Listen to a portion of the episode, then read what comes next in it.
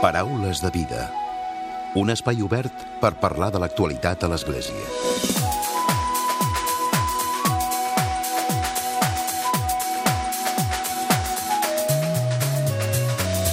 Què tal? Salutacions i molt bon dia, molt bon diumenge. Un grup d'estudiants de la Facultat de Comunicació i Relacions Internacionals Blanquerna de la Universitat Ramon Llull està duent a terme un projecte per acabar amb el discurs d'odi contra els musulmans dins i fora de les xarxes socials.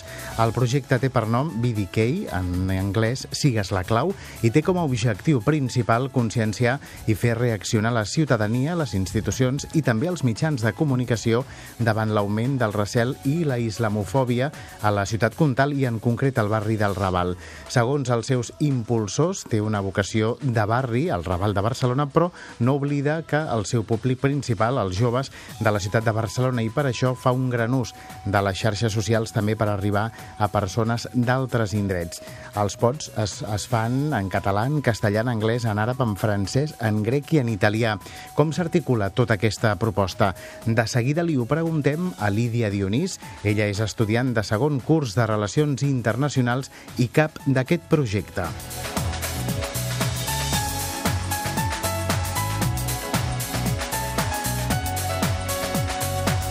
I com sempre, a la recta final del Paraules arribarà un nou comentari de l'actualitat de Francesc Romeu. Comencem.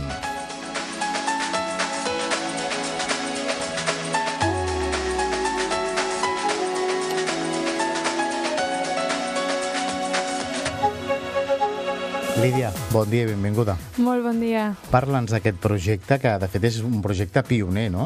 Correcte, correcte, és un projecte pioner i com molt bé has explicat, és un projecte que té vocació de barri i que vol impactar sobretot el Raval, que és uh, bé per al fet que va néixer, no? Neix a partir, aquest projecte neix a partir dels atemptats del 17 d'agost, i degut a la preocupació d'estudiants de, la, de la Universitat de Blan Blanquer, bueno, Ramon Llull, de la Facultat de Blanquerna, eh, decidim impulsar aquest projecte per poder acabar amb el discurs d'odi en qualsevol tipus de, i àmbit, sobretot foc eh, focalitzat a les xarxes socials i per poder acabar amb la islamofòbia. Uh -huh. És un projecte local, però la conscienciació és evident que és per tothom, no? I com dius, l'instrument, les xarxes socials, fa que arribeu a tot arreu.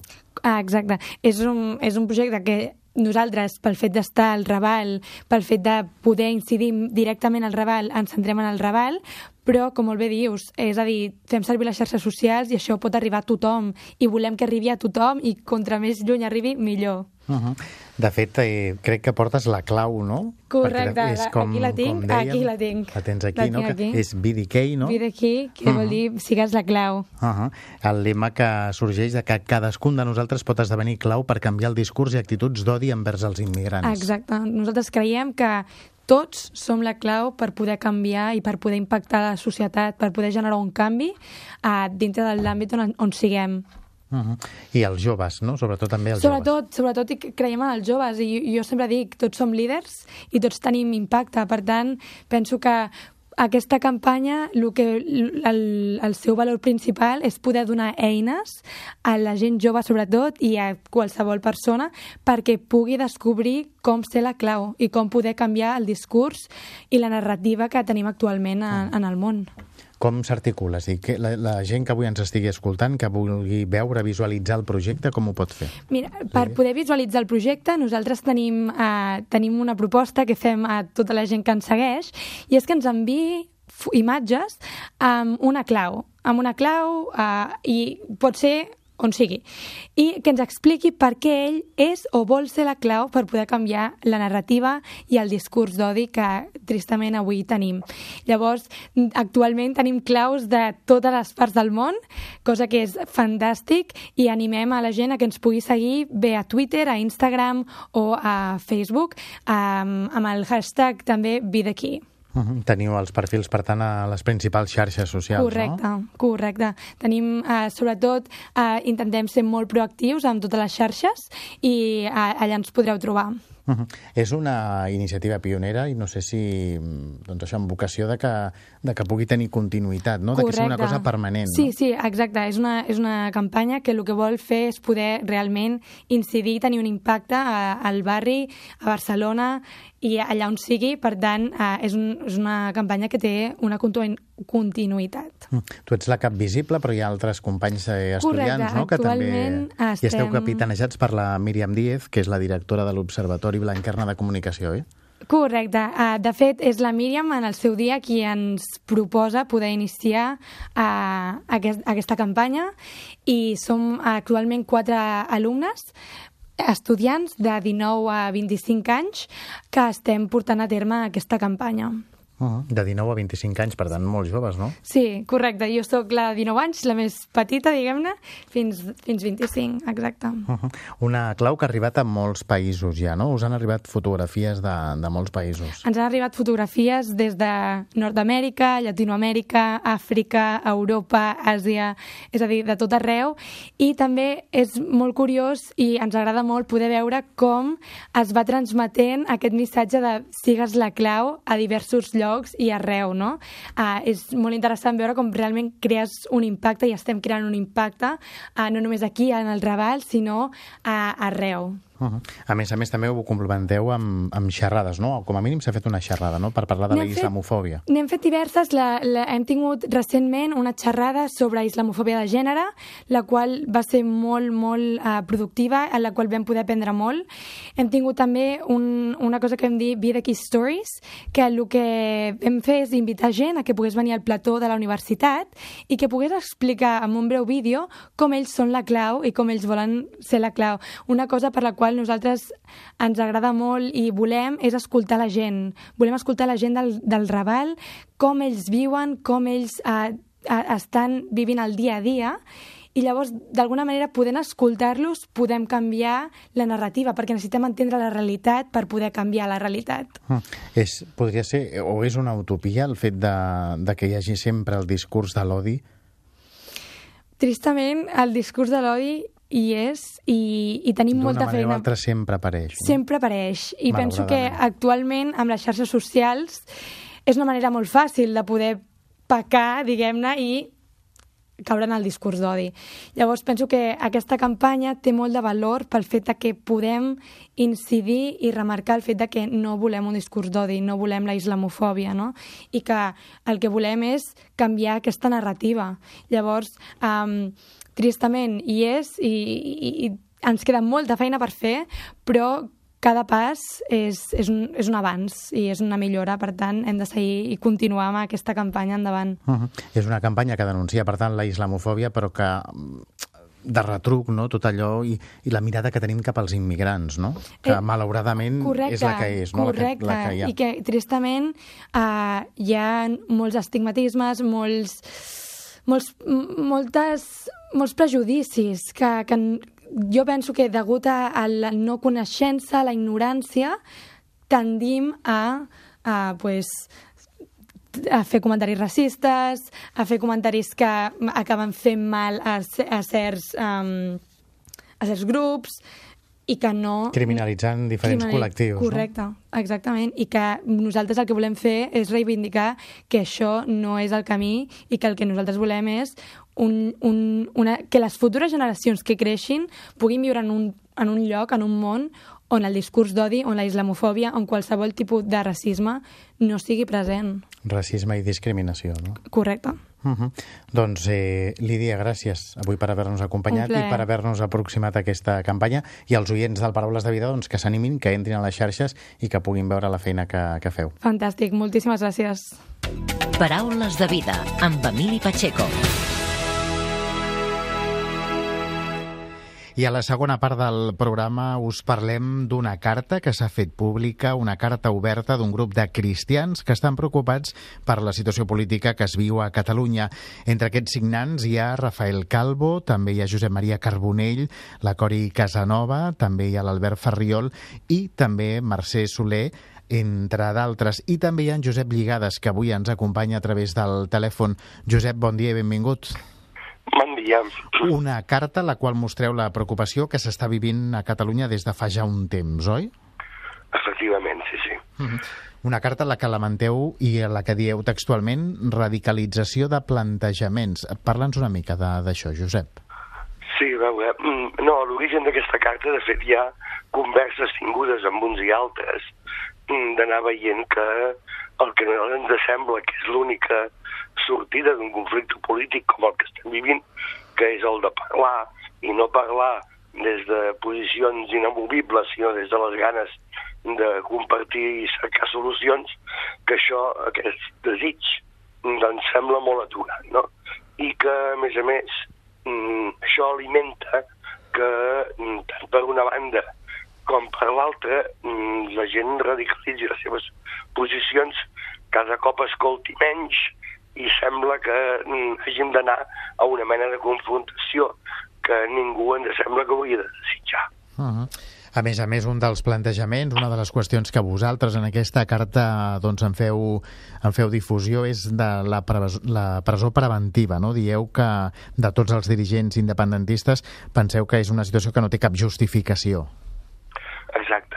O sigui, nosaltres pensem que certament en els fets que hi van haver en el setembre-octubre de l'any passat hi va haver eh, trencar en diversos moments i accions la legalitat democràtica i, per tant, diguem, és normal que això sigui eh, investigat, però el que no ens sembla és que la situació sigui tal que mm, normalitzi i faci normal que els que són acusats d'aquests aquest fets estiguin des de fa ja més d'un any. Uh mhm. -huh. Això ens sembla que és un mal greu per ells i per les seves famílies, però també és un mal greu per la societat, perquè tensiona la situació d'una manera que no serveix absolutament per res de cara al bé comú. Uh -huh. A més a més, demaneu en aquest sentit l'alliberament dels, dels empresonats mentre no hi hagi una sentència, una sentència ferma, oi? Efectivament, o sigui, uh -huh. hi ha, quan hi hagi el judici, llavors després, si de cas ja es faria el que calgués. Ara, en aquest moment, no ens sembla que tingui sentit, això. A més a més, també parleu del, del, del moment actual, de la situació política actual, i el que sí que feu és una valoració positiva amb el canvi de govern que hi ha hagut a, a Madrid, amb el govern ara encapçalat pel PSOE, per Pedro Sánchez. Vosaltres veieu que, que ha significat que s'obrin més possibilitats de cara al diàleg, no? de que, com a mínim, els escenaris eh, puguin canviar. Efectivament. Sigui, entre la forma d'actuar del Partit Popular i del seu govern, que no tenia cap mena de desig d'intentar entendre absolutament res del que aquí es volia o que aquí s'estava vivint, nosaltres creiem que efectivament el canvi de govern ha sigut una rectificació del punt de partida, del des del qual es mira la realitat i que això és un element decisiu. Això no ho arregla tot, evidentment, però mm, sense això és impossible que puguem caminar cap a cap lloc eh, mínimament raonable i de convivència. Mm. A més a més, també parleu sobre la, el, el pensament dels independentistes, dieu, dels líders independentistes, i en aquest cas vosaltres el que lamenteu és que des d'aquí es vegi com una superioritat moral o una mena de legitimitat intrínseca amb els líders independentistes i amb la seva causa.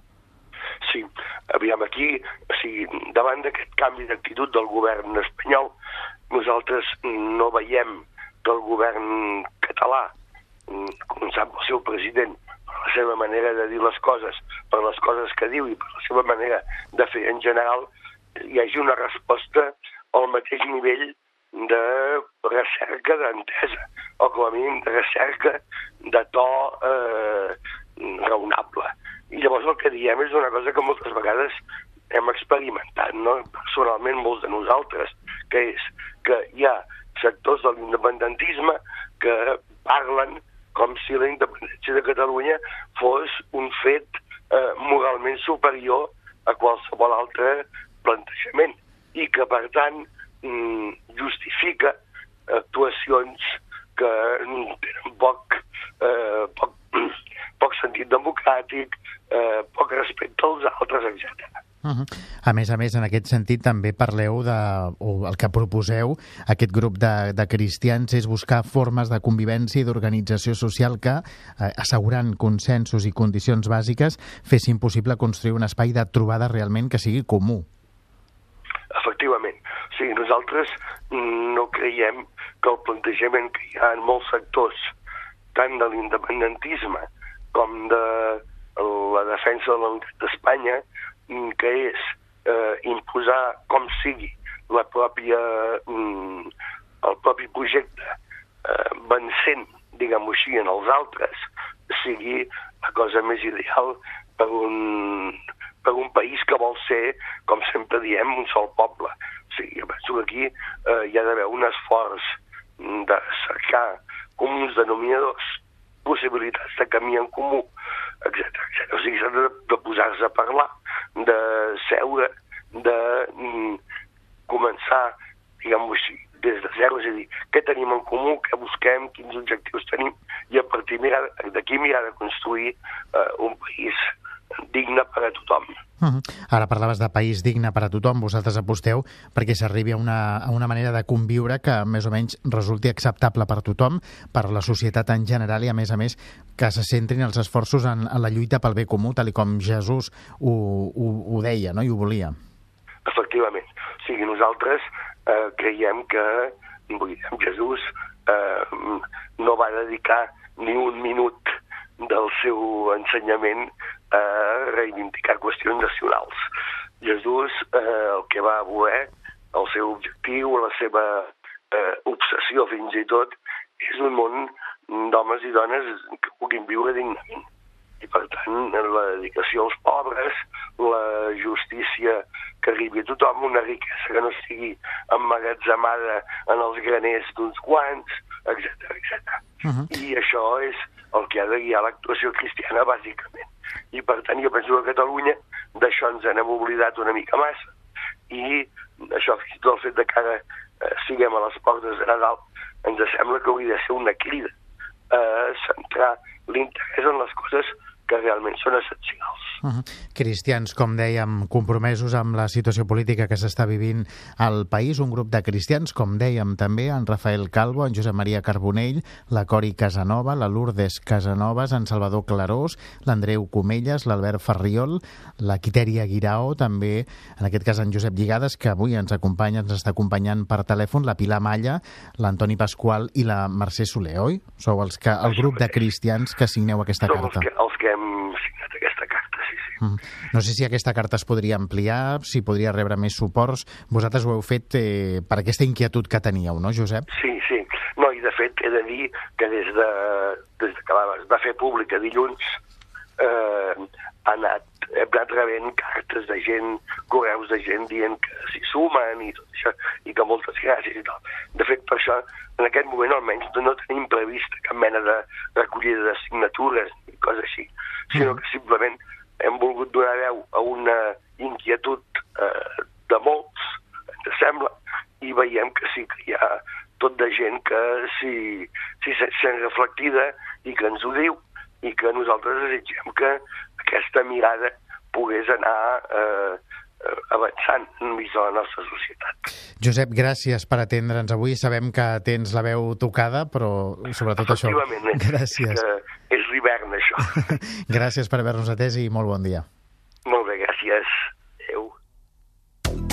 Paraules de vida. Solidaritat i compromís.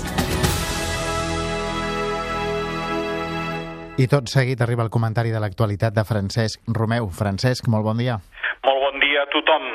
A les portes ja del Nadal, avui, a totes les esglésies i comunitats cristianes de Catalunya se celebra la tradicional col·lecta de Nadal a favor de Càritas Diocesana amb el lema Sigues part de la solució contra la pobresa.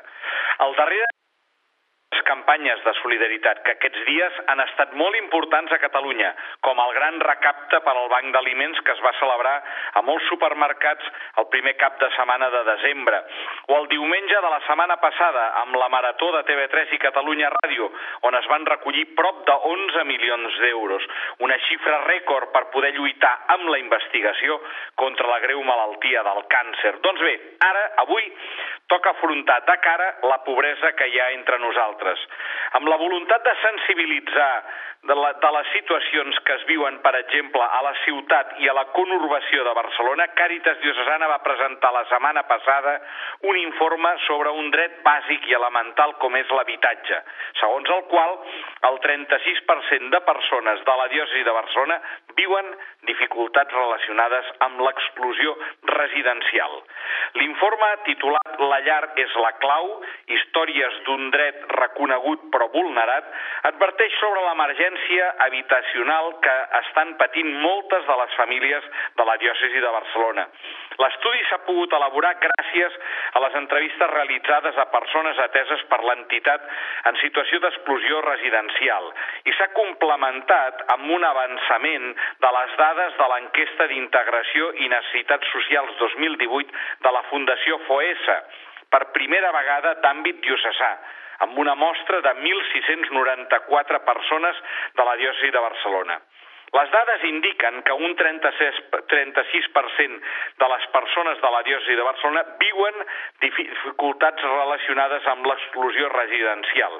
Això vol dir viure en habitatges insegurs, en habitatges inadequats, en condicions d'insalubritat o amuntegament, o d'haver de pagar una despesa excessiva en l'habitatge, una despesa que les deixa sota el llindar de la pobresa severa. En la presentació, el delegat episcopal de Càritas Diocesana de Barcelona, mossèn Josep Maties, va advertir que l'actual model social i econòmic està dificultant la sortida de la situació d'exclusió que pateixen moltes persones. Com a Església constatem que les condicions de vida dels més vulnerables no han millorat, va indicar el delegat episcopal, tot donant un missatge d'esperança i remarcant que l'Església sempre estarà al costat de les persones que més pateixen. En aquesta presentació, la cap d'anàlisi social i incidència, Míriam Feu, va presentar les principals conclusions de l'informe, indicant que l'habitatge és més que un sostre i quatre parets. És un dret essencial de la persona i un element relacional i de participació en la societat. També va mostrar les formes d'exclusió residencial, que es defineixen com la manca d'un habitatge digne i adequat hi ha una exclusió més visible on s'inclourien aquelles persones en situació de sense sostre, persones que dormen al carrer, i persones en situació sense llar, persones que viuen en equipaments públics i d'entitats socials com els pisos d'acollida temporal o els albergs.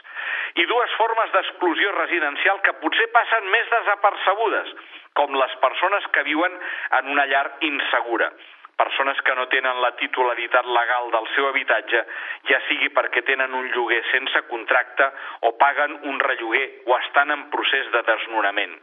O aquelles persones que viuen en una llar inadequada, persones que viuen en condicions d'insalubritat, amuntegament o assentaments informals. Segons això, hi ha tres col·lectius que ho tenen pitjor perquè aquest 36% augmenta fins al 69% per a les persones en situació d'atur i augmenta fins al 44% per les famílies amb menors i fins al 72% per les persones estrangeres no comunitàries que viuen greus situacions d'exclusió residencial. Al cloure la presentació, el director de Càritas Diocesana de Barcelona, Salvador Busquets, va destacar algunes de les accions que Càritas està duent a terme per resoldre problemàtiques relacionades amb l'habitatge, indicant que durant aquest any Càritas ha posat a disposició de les persones més vulnerables 1.351 places repartides en pisos unifamiliars, pisos compartits i centres residencials. Una molt bona notícia. Molt bon diumenge a tothom i ja molt bon Nadal.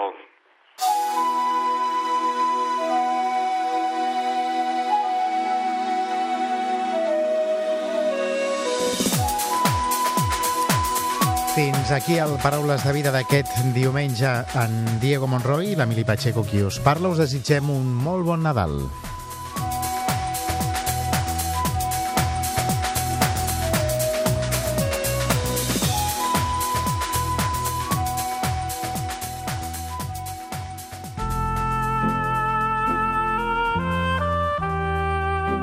Oferim la carta dominical de l'arcabisbe de Barcelona, Joan Josep Omella.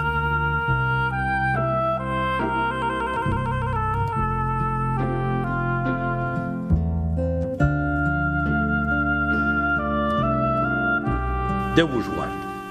Nadal és el misteri de l'encarnació del Fill de Déu i l'anunci de la nostra salvació. Per Nadal, el cel baixa a la terra. Déu es fa home. L'Etern entra en el temps. L'Omnipotent es fa pobre. L'Altíssim esdevé petit. El fort esdevé dèbil. L'incorruptible assumeix la nostra carn. El Fill de Déu es fa un de nosaltres – naixent com un infant en braços de la Verge Maria. El fet que Jesús neixi en un lloc geogràfic concret, d'una mare de qui sabem el nom, en una família de la qual coneixem els orígens, la residència i fins i tot la genealogia, ens permet contemplar un esdeveniment que ha transformat el món i que ha marcat de forma indeleble la vida dels homes. El teòleg Oscar Kuhlmann deia que no és casual que els anys es comptin des del naixement de Jesucrist, una manera de comptar que assenyala un abans i un després del fet de la seva vinguda al món. Per al creient, per Nadal la vida adquireix així un nou significat. Nadal no és només un misteri que mira al passat, sinó que és un fet que s'arrela en el temps present. Recordo que ara fa un any, en el número del temps nadalenc de la revista dels jesuïtes italians, La Civiltà Catòlica, el seu editorial acabava amb una cita d'Angelus Silesius, un místic alemany del segle XVI que va escriure Si mil vegades nasqués Crist a Betlem, però no neix en tu, estàs perdut eternament. Nadal ens interroga sobre la nostra fe i sobre la manera com acollim els nostres germans i germanes. Quan l'Omnipotent decideix néixer a Betlem, encarnat en un infant, opta per venir al món en la precarietat, sense comoditats, amb les dificultats d'una família que lluita per tirar endavant el seu projecte de vida. Nadal és la revolució de la tendresa, de Déu, que derroca els poderosos del sol i exalça els humils. La pau i la justícia es construeixen dia a dia, reconeixent la dignitat de tota vida humana, des de la més petita i indefensa, i reconeixent que tot ésser humà és fill de Déu i, per tant, el nostre germà. Nadal és, doncs, un do al qual hem d'estar oberts. L'Emmanuel és el Déu que ve entre nosaltres per guarir-nos dels nostres pecats i per donar-nos el sentit de la fraternitat i de la filiació divina. Nadal ens convida sempre a renovar-nos, a sentir-nos germans els uns amb els altres. Si Jesús es fa un de nosaltres, es fa proper a nosaltres, també nosaltres som convidats a apropar-nos als altres. Si la vida cristiana és un camí i una assimilació progressiva de la vida de Jesús, la nostra consciència ha de sentir-se interpel·lada per l'experiència de la pobresa i la humilitat que marquen l'entrada del Senyor de la glòria en la nostra història. No tingueu por, us anuncio una nova que portarà a tot el poble una gran alegria. Avui, a la ciutat de David, us ha nascut el Salvador, que és el Messies, el Senyor, diu l'Evangeli de Lucas. Que bonic seria que, com els pastors, acollíssim el do de Nadal amb un cor de pobre – amb aquesta esperança, benvolguts germans i germanes, desitjo a tots un sant i fratern Nadal. Us hem ofert la carta dominical de l'arcabisbe de Barcelona, Joan Josep Omella.